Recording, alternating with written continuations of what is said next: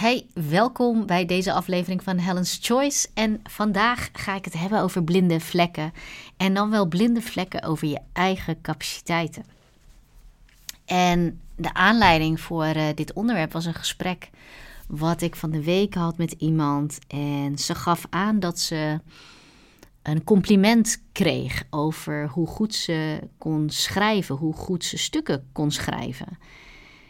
En ze was echt verrast om dat te horen. Ze was helemaal verbaasd. En, uh, en vervolgens vertelde ze ook dat ze gevraagd was om uh, een presentatie uh, te houden voor een hele groep mensen. En nou, dat ze daar ook allerlei vragen, kritische vragen over zou krijgen.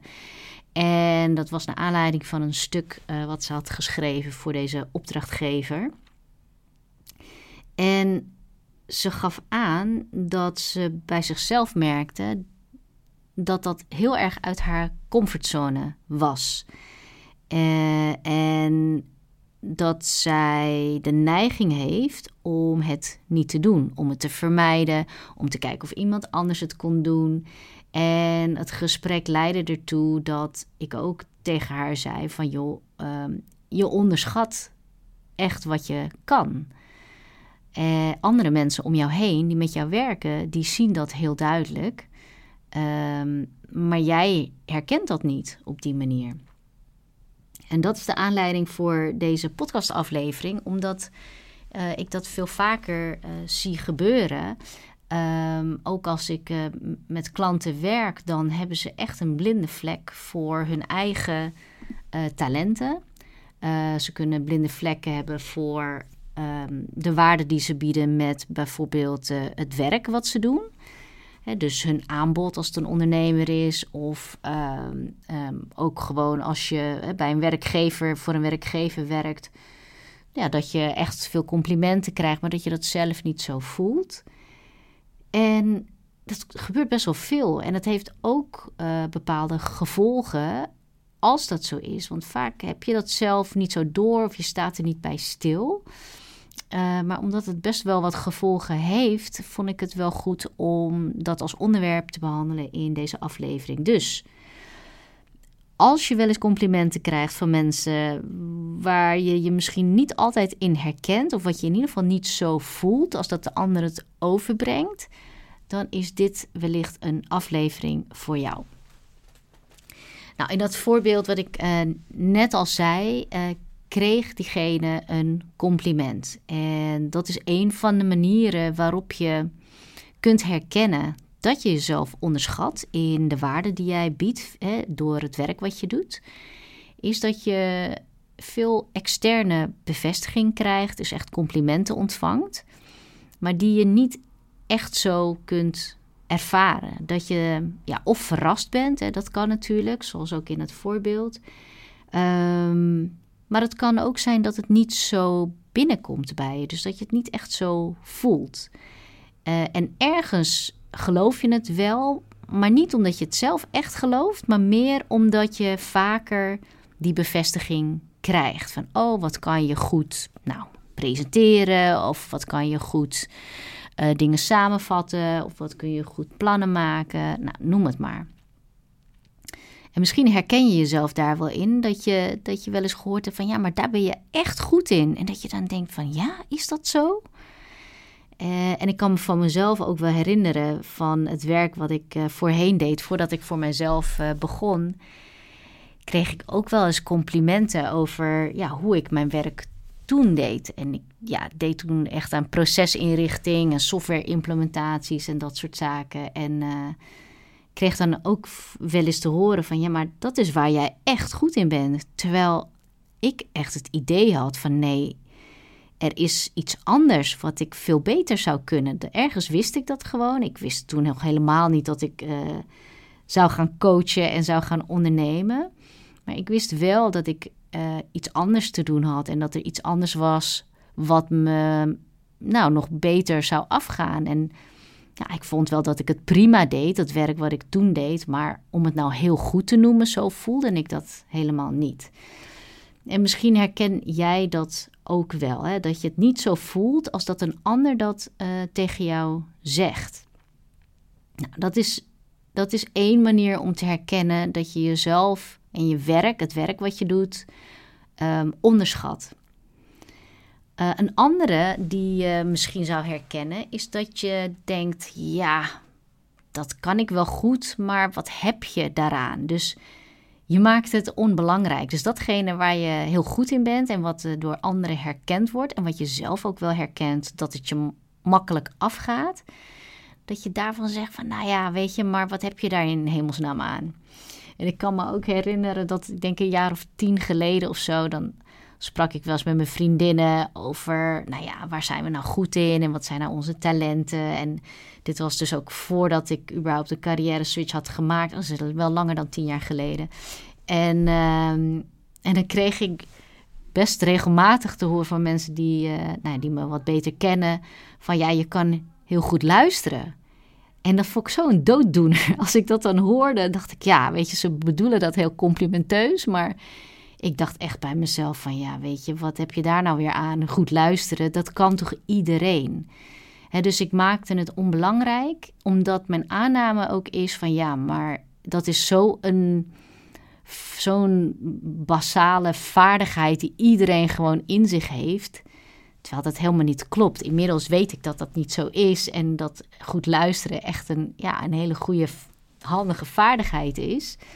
Uh, wat natuurlijk ook de basis is ook voor uh, het kunnen coachen van mensen, is natuurlijk goed luisteren. Maar destijds ja, zag ik dat helemaal niet zo. En dacht ik echt van, nou ja, weet je, wat heb je eraan? Maar dat is ook inherent, inherent aan je natuurlijke talenten. Dus de dingen die je van nature goed afgaan, uh, ja, daar hoef jij niet over na te denken. Dat gaat zo vanzelf, um, hè, moeiteloos, of bijna moeiteloos, dat je denkt van ja, hoezo is dat dan een talent? En hoezo is dat dan iets wat heel waardevol is als dat, ja, als dat soort automatisme is voor jou? maar je gaat dan echt voorbij aan het feit dat dat dus niet voor iedereen geldt. Dat wat voor jou zo automatisch gaat, en zo vanzelfsprekend is, is voor een ander heel erg moeilijk. Hè? Dus goed luisteren is voor een ander kan het super moeilijk zijn. En, en misschien is dat voor jou, uh, nou ja, dingen in structuren gieten, een plan van aanpak kunnen maken, uh, dingen kunnen organiseren, nou, noem het maar. Datgene wat jou makkelijk afgaat, hè, zou zomaar een natuurlijk talent van jou kunnen zijn. En waarvan jij denkt van, nou, weet je wat, ja, dat, heet, dat kan toch iedereen? Dus dat is helemaal niet bijzonder. Dus dat is het tweede, hoe je zou kunnen herkennen dat je jezelf onderschat in de talenten die je hebt, in jouw capaciteiten en in het werk wat jij creëert. Een derde die ik wilde noemen is dat als je uh, na een tijd terugkijkt naar wat je eerder hebt gemaakt, gecreëerd, hè, misschien geschreven of opgenomen of nou ja, gemaakt, dat je aangenaam verrast bent en verbaasd eigenlijk over het, over het resultaat. dus dat je nou, misschien iets hebt geschreven en uh, twee jaar later zie je dat terug en je leest het door en je denkt, hé, wat, heb ik dat geschreven? En dit is wel eentje die ik ook wel herken en uh, ja, dat ik gewoon iets heb gemaakt, uh, een e-book geschreven of ik had een training gemaakt uh, en als ik het dan eenmaal af had, dan, nou, dan publiceerde ik dat wel en dan verkocht ik dat. Maar in mijn hoofd had ik zoiets van, nou ja, het is wel prima, maar het is niet super goed of zo. En dan keek ik er twee jaar later, dan dacht ik van, nou laat ik er nog eens even induiken hoe dat helemaal in elkaar steekt. En dan ging ik dat opnieuw lezen en bekijken en dacht ik, zo, het is echt heel erg goed. en dat is toch, eigenlijk is dat gewoon heel bijzonder hoe blind je kunt zijn voor de waarde die je kunt bieden. Uh, en misschien herken jij dat ook wel, dat je soms denkt dat iets gemaakt te hebben, iets gedaan te hebben, waarvan je denkt van, nou ja, het is wel prima, het is goed genoeg. Um, ja, maar ook niet meer dan dat. En dat je later denkt van, oh, weet je, ik, ik kan wel veel meer dan ik had gedacht. Uh, dus het is ik ga zo meteen ga ik ook verder op wat de gevolgen zijn van die onderschatting en ook hoe je dat kan doorbreken. Maar ik wil eerst even een paar voorbeelden noemen van hoe je bij jezelf kunt herkennen dat je dat doet. Uh, want ik denk dat er uh, best veel mensen zijn die zichzelf onderschatten. Um, zo nu en dan. Misschien niet altijd, maar, maar zo nu en dan wel. Nou, het laatste van hoe herken je dan dat je jezelf onderschat in wat je doet en wat je aan waarde creëert, is als je perfectionistisch bent aangelegd.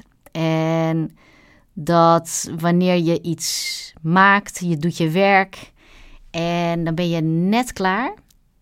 En dan ben je meteen al weer bezig met, oh ja, maar ik zou eigenlijk ook het hier kunnen aanpassen, dan is het eigenlijk nog beter. En als ik dat dan ook nog even doe, dan, en dan, kan ik daarna ook dat doen. En, en die gedachte van het is nog niet goed genoeg, uh, het kan beter, want ik zie ook al voor me hoe.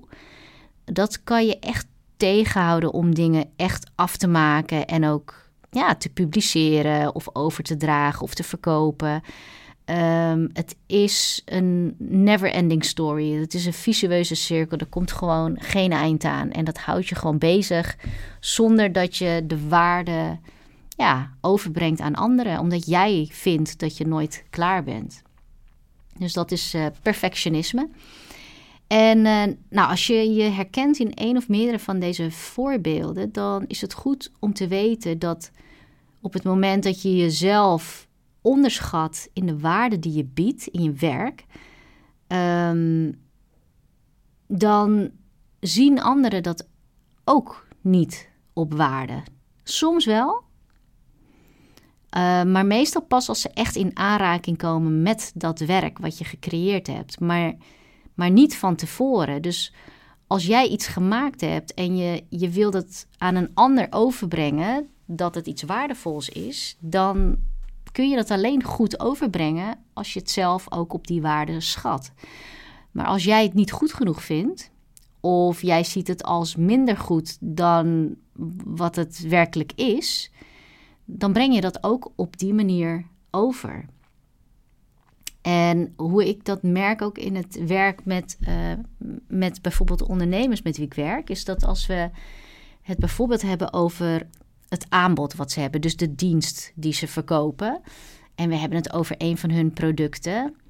Dan hebben we het bijvoorbeeld over de prijs die ze daarvoor rekenen en, en wat ze daarvoor bieden. En als ik dat dan uitvraag, dan wil ik ook ja, alles weten. Dus ik vraag ook echt door. We halen alles boven tafel. En dan merken ze zelf dat het zoveel meer is dan wat ze zelf in hun hoofd hadden. Uh, en soms hebben ze daar een prijs aan gehangen die niet helemaal strookt met wat het werkelijk waard is voor die klant. Dus dan is de prijs vaak te laag ten opzichte van de waarde die het biedt uh, voor de klant. En daar komen ze vaak pas achter als we het er samen over hebben. Dus zolang het in het hoofd blijft van de persoon, dan heeft de ondernemer zelf daar een bepaald gevoel bij van wat het waard is. Uh, en ja, je hebt daar gewoon bepaalde gedachten bij dat product. Maar op het moment dat iemand allerlei vragen gaat stellen: van oké, maar wat doe je dan en wat doe je dan? En hoe doe je dit dan? Hoe kijk je daar dan naar? En wat krijgt de klant dan? En, en als je dus dat allemaal uitvraagt en je spreekt het echt uit, dan zie je in één keer dat in jouw brein, zolang het daar blijft, wordt de helft weggefilterd. Of misschien wel veel meer dan de helft. Waardoor het ook minder waardevol lijkt. Maar op het moment dat je allerlei vragen gaat beantwoorden daarover, dan vertellen die antwoorden jou hoe enorm waardevol het is wat je uh, te bieden hebt met het werk wat je doet. En dat is natuurlijk niet alleen voor ondernemers zo, maar ook, weet je, gewoon in het werk wat je doet. Uh, soms realiseer je die dingen pas op het moment dat je dat aan het uitleggen bent aan iemand die dat ook werkelijk wilt weten, wat het allemaal inhoudt. Uh, en dat is het gevolg daarvan, is dat je het dus ook niet zo zult verkopen. Je zult het ook nooit zo aan de ander overbrengen als dat het heel waardevol is, omdat je het zelf niet op die waarde schat. Dus dat is een gevolg van het onderschatten van je werk. Daarnaast laat je ook kansen liggen. En waarom? Als je jezelf onderschat, eh, dan zie je die kansen ook vaak niet, omdat je jezelf en jouw werk niet ziet alsof het ergens voor geschikt is, wat groter is dan waar jij dan de waarde waarop jij het schat. Dat is een beetje een moeilijke zin, maar ehm, je kunt je voorstellen dat als jij zelf niet vindt dat je goed bent in presenteren, ook al laten andere mensen jou dat wel merken, en jij zou jezelf een zesje ervoor geven, terwijl anderen dat echt zien als een acht of een negen, dan kunnen anderen misschien nog wel bedenken dat jij prima bijvoorbeeld een training zou kunnen geven aan andere mensen in hoe je zou kunnen presenteren. Maar jij zou jouzelf nooit zomaar als degene zien uh, die zo'n rol kan vervullen. Want jij geeft jezelf een zes voor presentatievaardigheden. Uh, en ja, weet je, waarom zou jij het dan aan anderen gaan leren en overbrengen als jij zelf uh, een zesje bent op dat vlak? Hè, dus op die manier kun je heel makkelijk zien dat daar waar je jezelf kleiner maakt dan je bent, um, dat er heel veel kansen aan je voorbij gaan. Omdat jij niet je hand zou opsteken op het moment dat er zo'n kans voorbij komt. En terwijl andere mensen dan wel zeggen van... joh, dat kan ik wel doen, oh, dat wil ik wel doen... of die kans wil ik wel grijpen, of oh, daar ga ik op solliciteren... oh, dat is misschien wel een, uh, een mooie klant voor mij... Uh, denk jij bij jezelf van nee, dat is net te hoog gegrepen voor mij, omdat je jezelf niet op waarde inschat. dus dat is ook een belangrijk gevolg van onderschatting. En daarom is het zo belangrijk dat als je je hebt herkend in een van de voorbeelden hoe je kunt herkennen dat je jezelf onderschat en je werk onderschat, daarom is het zo belangrijk om daar ook mee aan de slag te gaan om dat te doorbreken. Want dan worden in één keer um, veel meer kansen zijn dan ook echt kansen voor jou. Je gaat ze herkennen. Je gaat het dan ook zien als iets wat jij zou kunnen. Je gaat jezelf daar dan eerder voor aanbieden. Uh, en dus wordt er veel meer mogelijk voor jou. Terwijl er in de, de externe omstandigheden niks hoeft te veranderen, verandert er al van alles als dit bij jou verandert.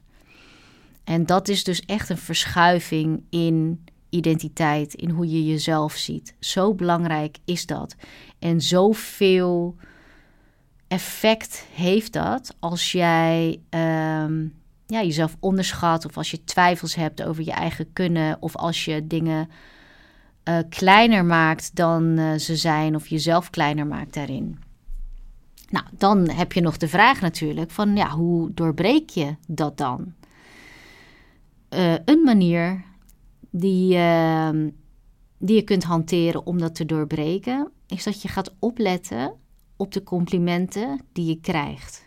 De complimenten die je ontvangt, waar je die over ontvangt. En dat je ze ook echt bewust binnen laat komen.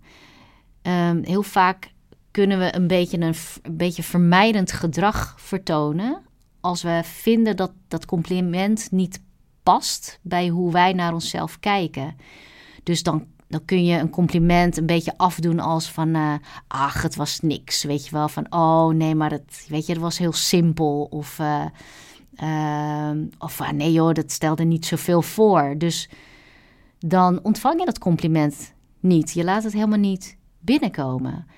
En wat je kunt doen om, om dat veel meer binnen te laten komen, is om gewoon te zeggen: Oh, dank je wel voor het compliment. En ook proberen dat gewoon te voelen hoe dat, hoe dat is, om een beetje te realiseren dat diegene het in ieder geval wel waardevol vond. En ook al voel je dat zelf nog niet zo, je kunt wel ontvangen dat iemand anders dat vindt. En dat is al waardevol op zichzelf. En wat je ook kunt doen, als je iemand misschien wat beter kent of je in ieder geval uh, op je gemak voelt om dat te doen, is dat je daar wat vragen over stelt. Van hè, waarom is het waardevol bijvoorbeeld geweest voor iemand als die zegt dat het waardevol was? Hè, of dat het ze aan het denken heeft gezet wat je hebt gedaan. En daar kun je vragen over stellen van, joh, wat maakt dan dat je, nou ja, hè, dat je daarover nadenkt of dat dat iets met je doet. Um, en dan kun je je iets meer openstellen voor het effect van wat jij hebt gedaan, van jouw werk op een ander. En dan ga je zien dat, um, dat iets wat jij hebt gedaan impact heeft gehad op iemand anders, doordat ze dat wat meer gaan toelichten. Dus dat is iets wat je kunt doen om jezelf meer te, te trainen en te oefenen in het gaan zien van de waarde die jij overbrengt met wat je doet. Het tweede wat je kan doen is überhaupt het vaststellen dat er standaard misschien wel een verschil is tussen hoe jij het ervaart, hoe jij jouw werk ervaart en de impact van jouw werk, en hoe anderen het ervaren. En daar kan je dan rekening mee houden als jij merkt dat jij op een bepaald onderdeel, iets wat jij vaker doet, steeds complimenten krijgt. dus uh, je krijgt complimenten over de stukken die jij schrijft. Dat, dat je zo goed kan schrijven, dat het zo helder is en overzichtelijk. En dat het dingen heel uh, duidelijk maakt. Dan, en jij vindt, jij vindt dat niet zo, of het verrast jou heel erg. Dan, als je dat vaker op die manier bevestigd krijgt en jij ziet iedere keer dat er een verschil is met hoe jij dat ervaart, dan is dat gewoon een constatering dat dat nu nog zo is. Dat wat voor jou een 6 is, voor een ander waarschijnlijk een 8 of een 9 is. Want dit helpt je namelijk om ook te stoppen met dat continue perfectionisme, wat je de hele tijd bezighoudt en waardoor je dingen niet afmaakt of niet wil publiceren of waardoor je heel veel stress ervaart, is gewoon puur de vaststelling van wacht, maar als het voor mij een 7 is of een 6, dan is het voor de ander al een 8 of een 9. Dus dan is het al meer dan goed genoeg. Als het voor mij al 7 is, is al, dan is dat al klaar. Dan ben ik gewoon klaar. En dan kan het gewoon gepubliceerd worden, kan het verstuurd worden of, of kan het overgedragen worden.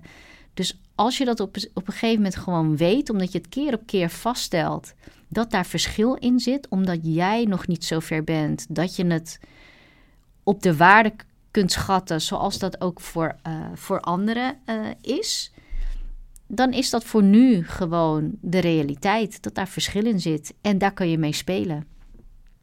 En dat helpt je gewoon om dat perfectionisme te doorbreken, zodat je de dingen wel afmaakt en dat je dat overbrengt en dat je gewoon kijkt wat de feedback is vanuit de omgeving of voor, hè, van degene voor wie het bedoeld is. Want daar gaat het uiteindelijk om. Of het nou een collega is of je opdrachtgever. Um, uiteindelijk gaat het natuurlijk juist ook over of dat helpend is voor hen. En het derde is jezelf afvragen wat je zou doen als jij wel zeker wist dat het werk wat je hebt geleverd ook daadwerkelijk waardevol is voor de ander. Wat zou je dan doen? Wat zou je dan. Ehm, ja, hoe zou je het dan overbrengen als je er iets over moet vertellen? Uh, wat voor prijs zou je daaraan hangen als je een ondernemer bent en je hebt een aanbod waarvan je gewoon zeker weet dat het, dat het goed is? Wat zou je dan doen? En als je dan ook eerder hebt vastgesteld van nou, uh, mensen, andere mensen waarderen het hoger dan dat ik dat zelf vaak voel. Dus daar zit echt een soort verschil in, een discrepantie. Als ik dat weet en ik ga dit nu naar buiten brengen, hoe zou ik dan handelen? En probeer dan zoveel mogelijk vanuit die instelling, dus vanuit de wetenschap dat het wel heel waardevol is, om vanuit die wetenschap ook te handelen en te communiceren.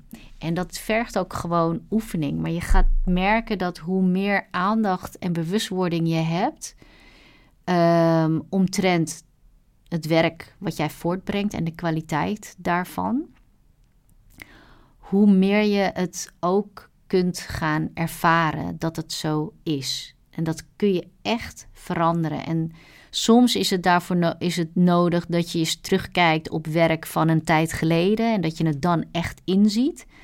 En dan kun je het opnieuw aanbieden, maar dan veel meer met de overtuiging van, nou, dit is echt super waardevol. Dit is echt goed wat ik hier heb gedaan.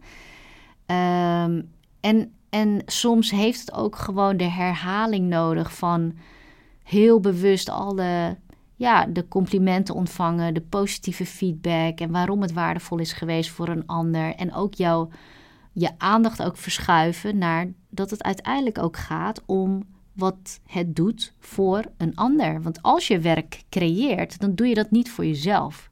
Dan doe je dat voor uh, je, je collega's, voor je werkgever, voor je klant.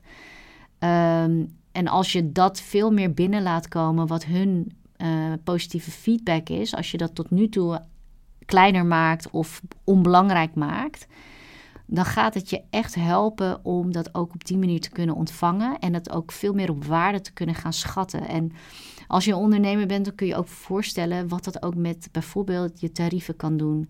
Dat het kan zijn dat je al die jaren gewoon te weinig um, in rekening brengt voor de waarde die je eigenlijk brengt voor je klanten. Uh, als je voor een werkgever werkt, dan kan het zijn dat je ineens ziet hoe waardevol jouw bijdrage is in, uh, in de organisatie. En dat jij veel meer verantwoordelijkheden ook aan zou kunnen. En, en misschien ook met het werk wat je biedt, uh, mogelijk ook in een andere salarisschaal terecht zou kunnen komen. En ook zou kunnen solliciteren naar een ander type functie dan je tot nu toe had gedacht. En daarom is het zo belangrijk om dit bij jezelf te herkennen. Want ik zie het echt heel vaak gebeuren. En ik herken mijzelf ook echt wel hierin dat ik dat ook zeker heb gehad. En er ook heel veel stappen in heb ondernomen om, uh, om dat zelf ook goed op waarde te kunnen schatten. Dus kijk bij jezelf waar je jezelf echt onderschat. En, en kijk dan ook wat je kunt doen om dat voor jezelf te doorbreken. En wat er dan allemaal voor je mogelijk wordt. Ik ben heel benieuwd wat je uit deze afleveringen haalt. Wil je dat met me delen? Zoek me dan even op op social media of stuur me een mailtje. En uh, nou, mocht je nog vragen hebben, dan kun je dat daar ook in kwijt. Ik vind het hartstikke leuk om van je te horen. En uh, waardeer je deze aflevering, deze podcast, uh, deel het dan ook met anderen of geef het een review in jouw podcast-app. Um, en beoordeel het, zodat ik meer mensen kan bereiken die hier iets aan kunnen hebben. Dankjewel voor het luisteren en wellicht tot de volgende keer.